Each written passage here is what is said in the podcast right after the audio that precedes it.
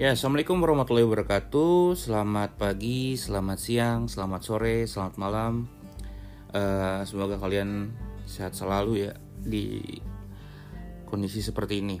Uh, pertemuan kali ini kita akan membahas tentang dampak polusi udara terhadap bidang pertanian.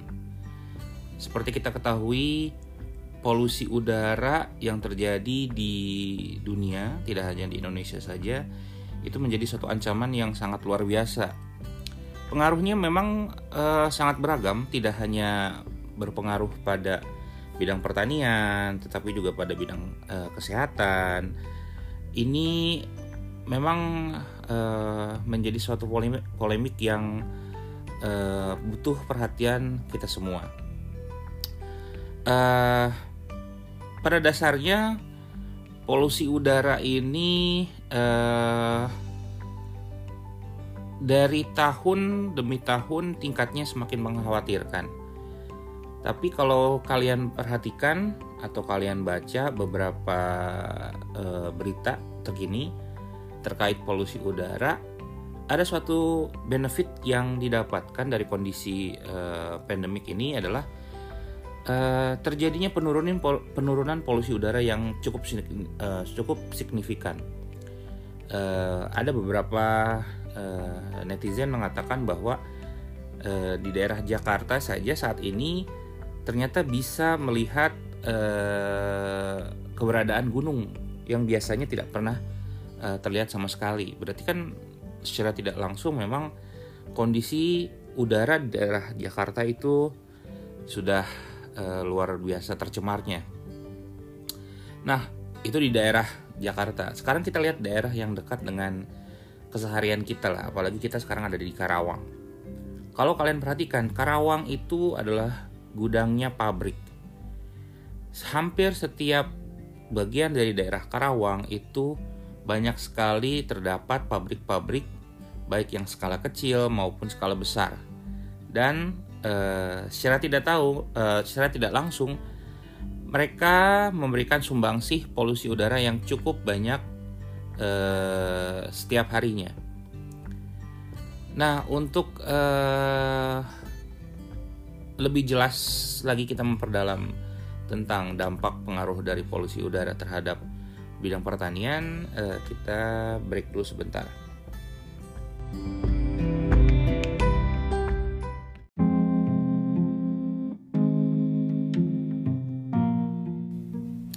Ya, jadi eh, tanaman ataupun tumbuhan mereka itu eh, berada pada garis depan eh, yang berhubungan erat dengan polusi udara. Kalau kalian perhatikan, ada istilah paru-paru dunia itu hubungannya dengan apa? Ya, hutan. Hutan kan eh, banyak apa di sana? Banyak tumbuhan. Dengan ada banyak tumbuhan ini eh, diharapkan nantinya bisa menghasilkan eh, cakupan ataupun asupan O2 untuk eh, dihirup oleh semua makhluk hidup. Yang jadi masalah sekarang adalah tingkat polusinya semakin bertambah.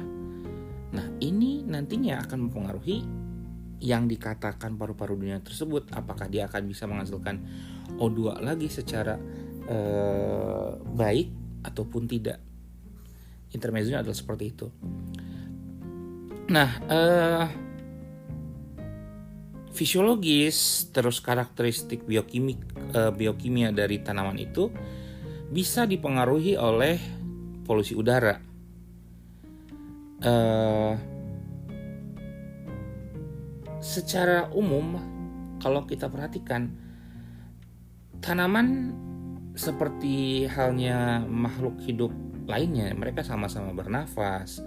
Mereka sama-sama uh, melakukan proses uh, makan juga dan lain sebagainya.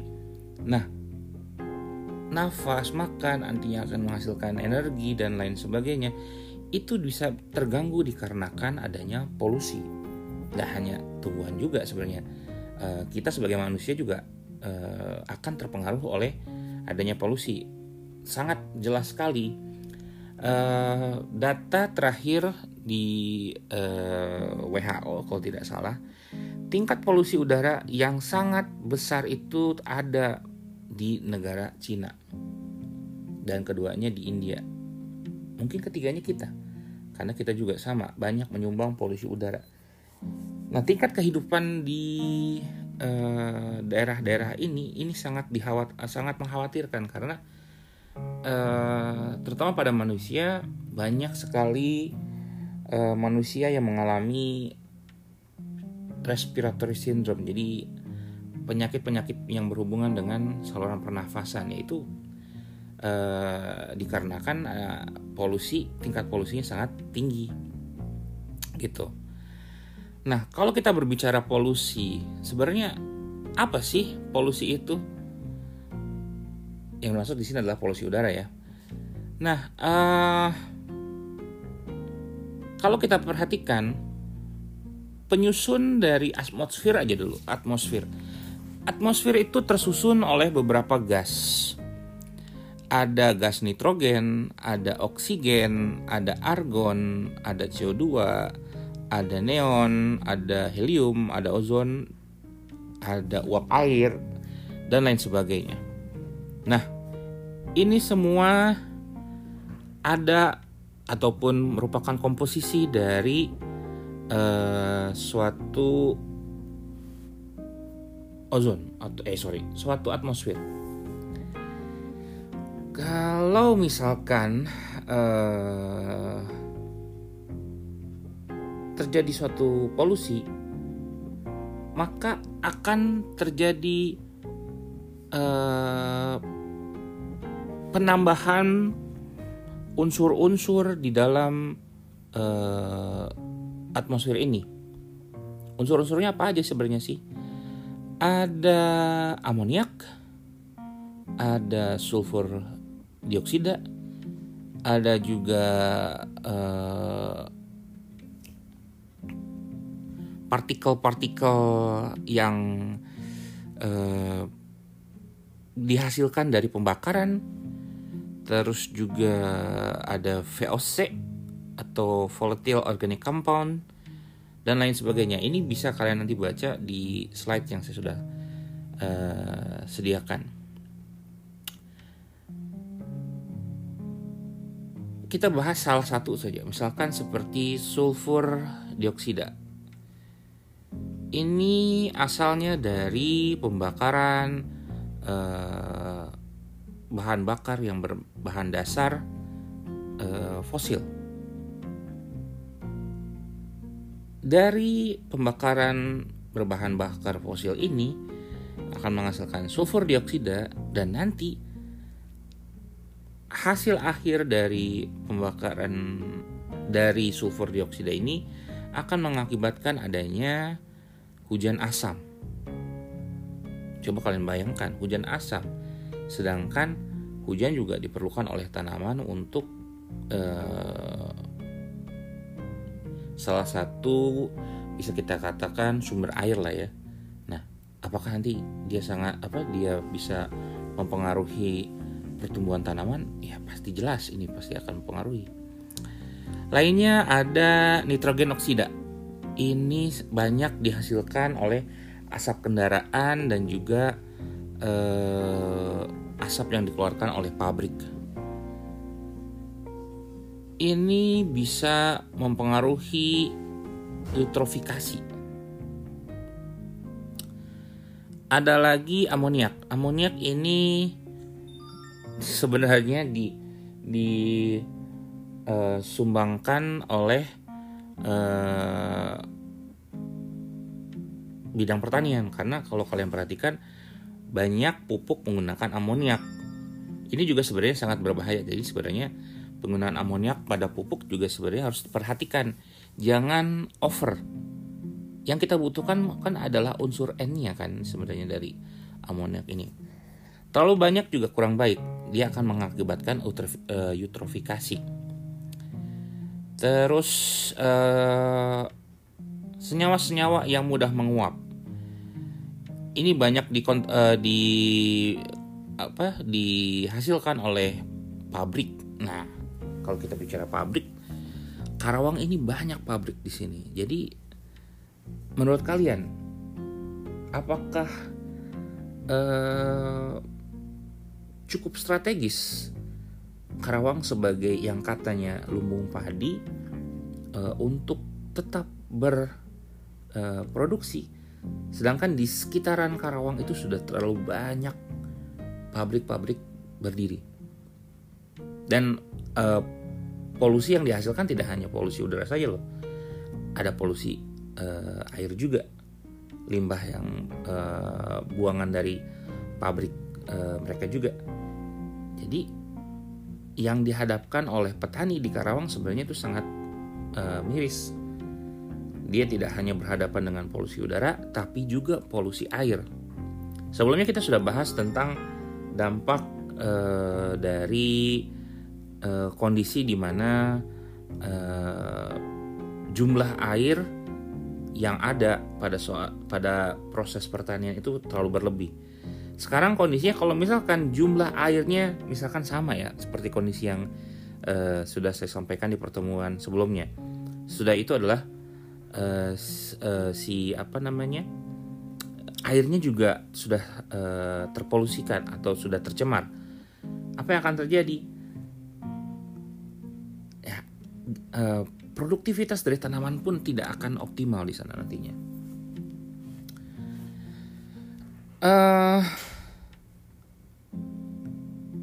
sumbangan terbesar polusi itu uh, berasal dari limbah, bukan limbah maksudnya, berasal dari uh, gas buang yang dihasilkan oleh pabrik, terus juga kendaraan bermotor, uh, terus juga penggunaan senyawa-senyawa senyawa-senyawa yang mudah menguap. Kalau kalian perhatikan uh, dulu parfum uh, terus hairspray itu banyak menggunakan CFC ya itu juga sangat mempengaruhi ozon itu sangat berpengaruh terhadap polusi udara juga itu. Kurang baik lah ya. Nah lalu uh, dengan adanya polusi ini tanaman itu memberikan respon seperti apa? Sebenarnya pada tanaman terjadi beberapa respon. Salah satunya ada respon fisiologis. Uh,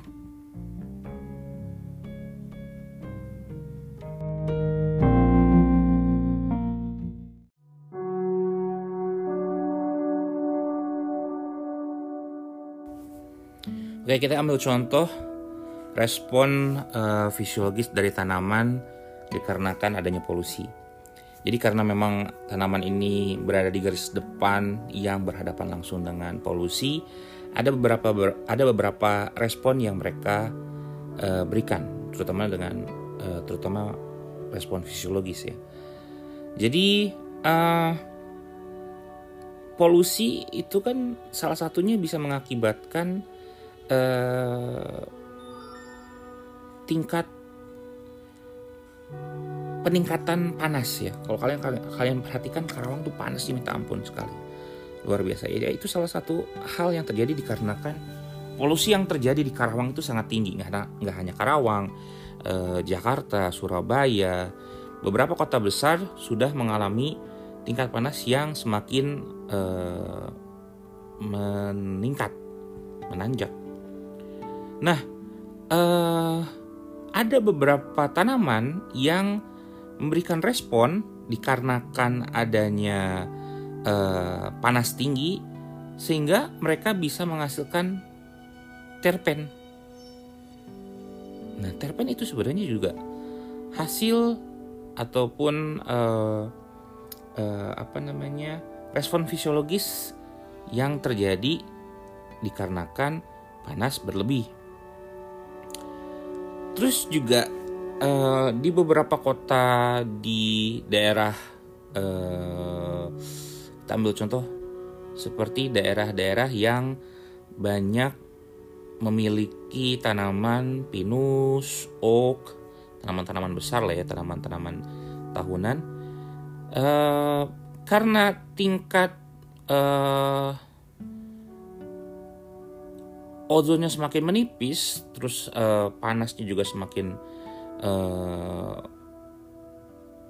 apa namanya semakin uh, meningkat itu akan mempengaruhi terhadap uh, penyebaran uh, polen dan spora dari tanaman tersebut. Memang tidak akan mempengaruhi tanaman, tapi bisa mempengaruhi uh, manusia, apalagi manusia yang uh, memiliki re, apa riwayat-riwayat alergi. Bisa terjadi nanti orang-orang uh, ataupun uh, manusia yang tinggal di daerah tanaman tersebut bisa batuk-batuk, bisa radang dan lain sebagainya. Uh, kalau kita berbicara polusi dari sudut tanaman ya, uh, sebenarnya polusi itu masuknya di mana sih uh, pada tubuh tumbuhan? Ingat, yang berhubungan langsung dengan uh, lingkungan luar dari tubuh tumbuhan itu adalah organ apa? Ya betul, stomata. Oke, mungkin kalian ada menjawab uh, epidermis iya berhubungan langsung dengan lingkungan, betul.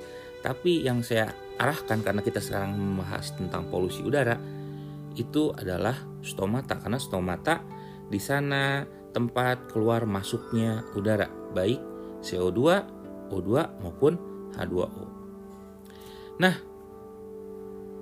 gas-gas yang eh, tergolong ataupun termasuk ke dalam eh, polutan, polusi udara seperti NO, O3, SO2, terus senyawa-senyawa volatil itu nantinya bisa masuk ke dalam stomata. uh, ini bisa kalian lihat di uh, apa namanya di PowerPoint kalian uh, dampak yang nantinya akan bisa dihasilkan oleh masuknya polutan terhadap tubuh tanaman. Oke, kita istirahat dulu sebentar, nanti kita lanjutkan lagi sebentar lagi.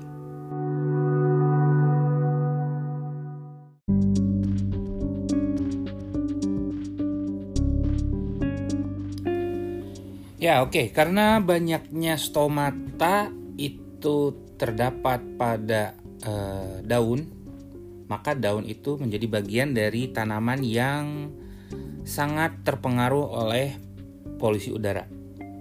Tapi sebenarnya tidak hanya di daun saja, di bagian batang, terus juga di bagian eh, cabang-cabang uh, batang dan lain sebagainya, itu pun sama uh, bisa terpengaruh oleh uh, polusi udara. Tapi stomata itu terkonsentrasi di daun, jadi itu menjadi bagian yang sangat terpengaruh oleh uh, polusi udara.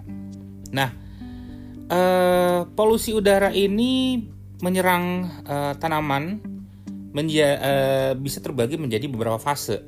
Ada fase gas, ada fase liquid atau uh, apa namanya? uh, cairan ataupun fase lipid di mana uh, fase ini nantinya si apa namanya si polutannya dia masuk di sela-sela uh, jaringan lipid atau jaringan uh, wax itu apa? Lilin. Lilin di bagian dari uh, tubuh tumbuhan uh, pada fase gas itu jadi terjadi pada eh, organ-organ yang terlihat jelas uh, di di mata. Maksudnya gini loh. Jadi uh, biasanya konsentrasi dari uh, polusi itu bisa kalian temukan di daerah kanopi dari tanaman itu terus juga di bagian-bagian uh, uh, sekat dari antar uh, apa namanya bahasa Indonesia-nya. Uh, antar sekat antar tanaman. Bahasa Inggrisnya itu adalah concentration in boundary layer. Kalian cari bahasa Indonesia-nya. Uh, itu fasenya semua dalam bentuk gas. Nah kalau liquid uh, fase liquid atau fase cair itu sudah masuk ke uh, area seluler. Nah, uh, ini semua nantinya akan mengakibatkan suatu kondisi yang disebut dengan fitotoksik yang uh, sangat berbahaya bagi tumbuhan. Uh, dengan adanya polusi udara, uh, pada bagian daun akan mengakibatkan uh, daun tersebut leaching. Leaching itu semacam uh, hilang bagian-bagian yang sangat berperan penting pada proses fotosintesis. Karena bagian tersebut jadi tidak uh, apa namanya tidak berguna lagi maka lama kelamaan si daun itu mengalami dekomposisi kematian nekrosis. Ini sangat fatal bagi tumbuhan. Karena apa? Semakin banyak daun yang uh, tidak bisa dipergunakan, semakin banyak daun yang tidak bisa berfungsi, maka tanaman itu tidak bisa berfotosintesis. Tidak bisa berfotosintesis, e, berfotosintesis, maka akan mengakibatkan apa?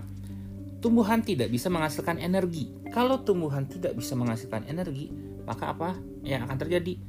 Produktivitas tanamannya pun akan semakin menurun. Kenapa? Hasil sampingan dari produk uh, dari pem, uh, produksi energi itu adalah apa coba? Pengisian pengisian dari sing cell. Mungkin kalian belum belum masuk ke bagian belum uh, apa namanya belum sempat atau belum sempat ya uh, belum uh, belum dijelaskan tentang apa itu sing cell. Nanti mungkin di pertemuan uh, selanjutnya akan saya jelaskan sing cell itu seperti apa. Jadi seperti ini, uh, itu adalah suatu sel di mana uh, hasil fotosintat itu disimpan karena tidak semua hasil fotosintat itu dipergunakan dalam memproduksi energi. Nah, uh, coba kalian bayangkan, untuk menghasilkan fotosintat, fotosintat itu adalah hasil fotosintesis. Hasil fotosintesis tidak hanya berupa O2, tapi ada apa? ada karbodioksida uh, ada karbohidrat. Sorry bukan karbodioksida karbohidrat. Bahasa lainnya adalah apa? Gula. Gula ini tidak semuanya dipakai pada proses metabolisme. Ada sebagian yang disimpan nah yang disimpan itu di uh, di dalam apa di dalam sing cell bisa berupa uh, umbi bisa berupa buah bisa berupa uh, apa namanya umbi buah terus uh, di batang juga ada dan lain sebagainya. Pokoknya kalau kalian uh, perhatikan ada satu bagian yang kandungan uh, gulanya tinggi itu merupakan sing cell-nya. Nah, sing cell ini merupakan cadangan makanan. Jadi bisa dipergunakan kalau misalkan tanaman ini tidak uh, mengalami kondisi yang tidak memungkinkan dia untuk uh, bertahan. Misalkan kondisinya uh, ekstrim panas, kondisinya ekstrim uh, dingin, sehingga dia butuh cadangan makanan uh, dikarenakan proses fotosintesisnya terganggu. Itu dikarenakan uh, kondisi alam, bukan dikarenakan adanya polusi. Nah sekarang kondisinya adalah ada polusi. Polusi mengakibatkan kerusakan pada bagian-bagian dari tumbuhan ini. Karena rusak, maka tumbuhan ini tidak bisa berjalan dengan baik maksudnya tidak bisa berjalan dengan baik adalah tidak bisa melakukan proses metabolismenya dengan baik. Karena dia tidak bisa melakukan proses metabolismenya dengan baik, maka energi yang dihasilkan, sorry, bukan energi, uh, fotosintesis yang dihasilkan pun tidak banyak. Jangan kan kita berbicara untuk menghasilkan energi. Yang dihasilkan fotosintesnya pun tidak banyak. Karena apa? Tempat untuk menghasilkan fotosintesisnya pun uh, berkurang. Ya karena tadi kan uh, banyak daun yang rusak dikarenakan uh, polusi udara. Karena daun rusak, terus fotosintesis yang dihasilkannya juga tidak banyak, uh, menghasilkan energinya pun tidak optimal, yang nantinya pun tidak bisa ada tabungan uh, hasil fotosintat, ini akan menurunkan produktivitas tanaman. Jadi has, uh, apa pengaruh dari dari uh, polusi itu sangat luar biasa. Uh, banyak hal yang uh, bisa mengakibat maksud saya gini uh, polusi ini memang uh, apa ya uh, semacam uh, buah si malakama.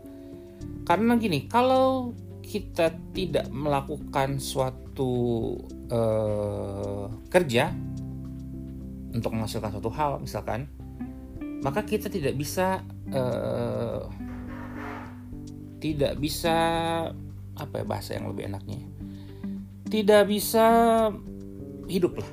Contoh misalkan perusahaan makanan kalau tidak ber, berfungsi pabrik misalkan tidak bisa menghasilkan makanan maka sumber uh, makanan selain oke okay lah kita bisa mengolah makanan sendiri. Tapi kan ada makanan-makanan pelengkap yang uh, sangat bergantung uh, pada pabrik untuk memproduksinya di saat itu tidak ada dan kita sangat membutuhkan, itu akan mengganggu kita sebagai uh, konsumen. Tapi di sisi lain karena pabrik ini tetap terus bekerja, dia juga menghasilkan uh, emisi gas buang. Nah, ini yang nantinya akan uh, mempengaruhi terhadap uh, keberlangsungan hidup dari makhluk hidup. Jadi istilahnya kalau kita larang untuk bekerja, pabrik uh, juga kendaraan itu juga bukan suatu hal yang uh, bijak. Yang bijak itu adalah kita cari solusi untuk uh, mengurangi polusi udara. Misalkan sekarang sudah banyak uh, teknologi yang beralih yang tadinya menggunakan bahan bakar uh, fosil, bahan bakar minyak bumi, meng, uh, menjadi bahan bakar listrik yang lebih ramah lingkungan. Memang masih mahal, tapi ini bisa jadi salah satu uh, solusi untuk menurunkan tingkat polusi yang sudah semakin parah. Uh, Oke, okay. kita break dulu sebentar. Uh, nanti kita lanjut lagi.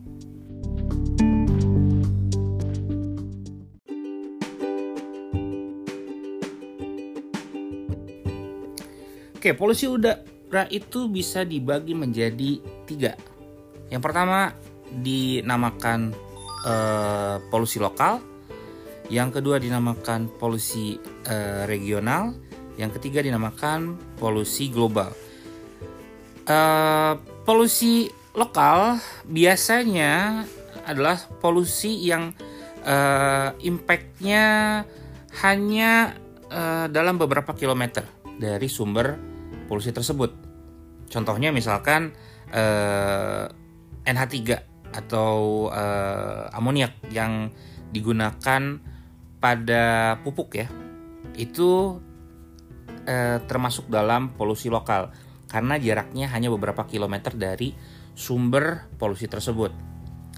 Uh, terus kalau polusi regional ini sifatnya lebih besar dibandingkan dengan polusi lokal karena impactnya dapat mempengaruhi beberapa ratus kilometer dari tempat di mana polusi itu berasal. E, biasanya polusi-polusi yang termasuk dalam polusi regional ini berasal dari H2SO4 e, itu juga mengasal, e, termasuk senyawa yang volatil ya jadi bisa menghasilkan polusi Terus juga eh, senyawa-senyawa nitrogen. Ini pun bisa mempengaruhi uh, penyebaran polusi secara regional. Lalu yang terakhir adalah polusi global. Dari katanya saja global ini yang sangat berbahaya. Kenapa? Karena impactnya terjadi secara keseluruhan. Nah, polusi ini e, disebabkan oleh uh, sumbangsi terbesarnya itu berasal dari penggunaan uh, bahan bakar uh, minyak bumi, bahan bakar fosil. Uh, selain itu juga ada CFC, ada juga N2O, N2O, ada juga metil bromida. Ini yang menjadi salah uh, satu penyebab dari uh, suatu kondisi yang disebut dengan greenhouse effect atau pemanasan global. Nah, ini dampaknya sangat besar bagi uh, keberlangsungan uh, bidang pertanian. Kalian rasakan kan sekarang semakin hari semakin panas. Itu bisa saja dikarenakan uh, greenhouse effect yang terjadi di daerah kita. Sebenarnya greenhouse effect itu Eh, beberapa peneliti pada beberapa tahun yang silam sudah bisa uh, melihat ada kejanggalan di kutub. Kenapa? Karena di sana sudah ada bolong. Ozonnya sudah bolong, bolong di sana dikarenakan greenhouse effect. Oke, uh, lalu uh, kalau kita berbicara uh, polusi, pasti ada dampaknya terhadap uh, ekosistem Ingat pelajaran sebelumnya bahwa ekosistem itu sifatnya seperti rantai, saling berhubungan. Ada satu saja yang salah, ada saja ada satu saja yang hilang, ada satu saja yang uh, tambah banyak, ada satu saja yang misalkan uh, uh, mengalami perubahan, itu akan mengakibatkan terhadap kestabilan rantai ekosistem itu sendiri. Jadi dengan adanya polusi itu sangat berakibat fatal terhadap uh, kestabilan ekosistem uh, dunia uh, bisa dikatakan dunia lah ya baik itu ekosistem uh, di pantai ekosistem di darat ekosistem uh, di laut di tanah tinggi dan lain sebagainya itu sangat uh, terpengaruh oleh adanya uh, polusi ini. Nah, dampak lain dari polusi selain tadi terhadap ekosistem juga berhubungan uh, erat terhadap uh, hubungan atau relation antara serangga dengan tanaman perlu kalian ketahui atau perlu kalian ingat kembali bahwa antara serangga dengan tanaman hubungannya sangat erat. Makanya ada istilah koevolusi. Koevolusi serangga dengan tanaman. Di mana tanaman itu berevolusi, maka e, serangganya pun harusnya berevolusi. Kenapa? Karena dia sifatnya e, simbiosis mutualisme, saling menguntungkan kalau kalian perhatikan, penyebaran tanaman di seluruh dunia ini sangat uh, bergantung oleh uh, serangga. Karena serangga nanti yang bisa membantu proses polinasi, terus juga ada serangga juga yang dia bisa uh, mendepositkan mungkin biji karena bijinya terlalu kecil, misal bijinya kecil misalkan dan lain sebagainya. Nah sekarang gini, ada polusi uh, kasus yang muncul pertama kali uh, di dunia uh, karena adanya polusi itu uh, terjadi pada suatu serangga yang lebih kita kenal mungkin uh, sebagai kupu-kupu malam ya. Bukan kupu-kupu malam kupu-kupu malam tapi memang karena dia masih satu ordo kalau tidak salah dengan kupu-kupu. Hanya saja dia lebih aktif di, ma di malam hari. Makanya disebutnya kupu-kupu malam. Atau bahasa lainnya bukan ngengat ya apa ya? Duh, saya lupa. Pokoknya saya tahunya kupu-kupu malam. Uh, nama genusnya adalah Biston betularia uh, ini kasus pertama kali terjadi dikarenakan adanya revolusi industri. Karena dari, dari revolusi industri tersebut uh, terjadi perubahan uh, karakteristik morfologi dari bis, uh, Beston uh, Betularia. Jadi sebelum uh, apa namanya sebelum adanya revolusi industri, warna dari ngengat ini cenderung lebih terang. Tapi dikarenakan adanya revolusi industri, dia menjadi lebih gelap. Ini akan mempengar uh, ini akan uh, berakibat pada uh, kestabilan ekosistem dari tempat di mana dia tinggal sebelumnya.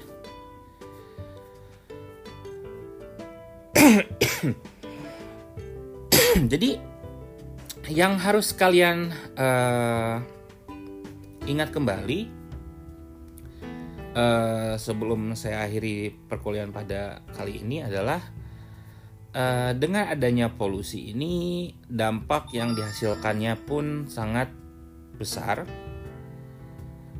Uh,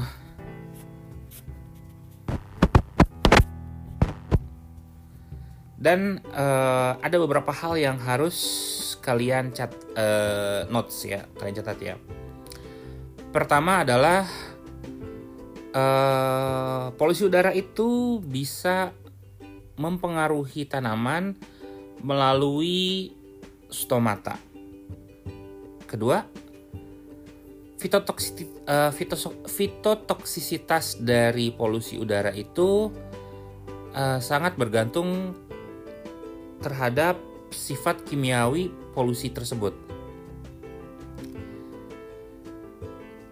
Polusi dapat menginduksi uh, oksidatif stres oksidatif dari tanaman dengan uh, munculnya senyawa-senyawa radikal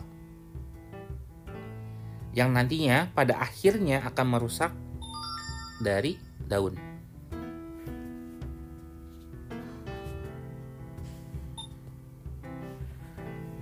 Uh, tanaman sebenarnya memiliki suatu mekanisme untuk membatasi uh, atau mempertahankan diri dari polusi, yaitu dengan menutup paksa stomata.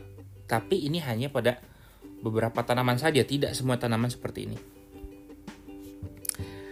Polusi udara dapat mengakibatkan perubahan pada fisiologi dan uh, bi, uh, apa namanya de, uh, fisiologi dan metabolisme dari tanaman tersebut. Dan ini saya uh, saya minta kalian pelajari baik-baik uh, slide yang sudah saya berikan. Nanti juga ada quiz uh, dan juga ada tugas. Saya harap kalian bisa mengerjakan dengan baik. Segitu saja dari saya. Kita ketemu lagi minggu depan. Assalamualaikum warahmatullahi wabarakatuh.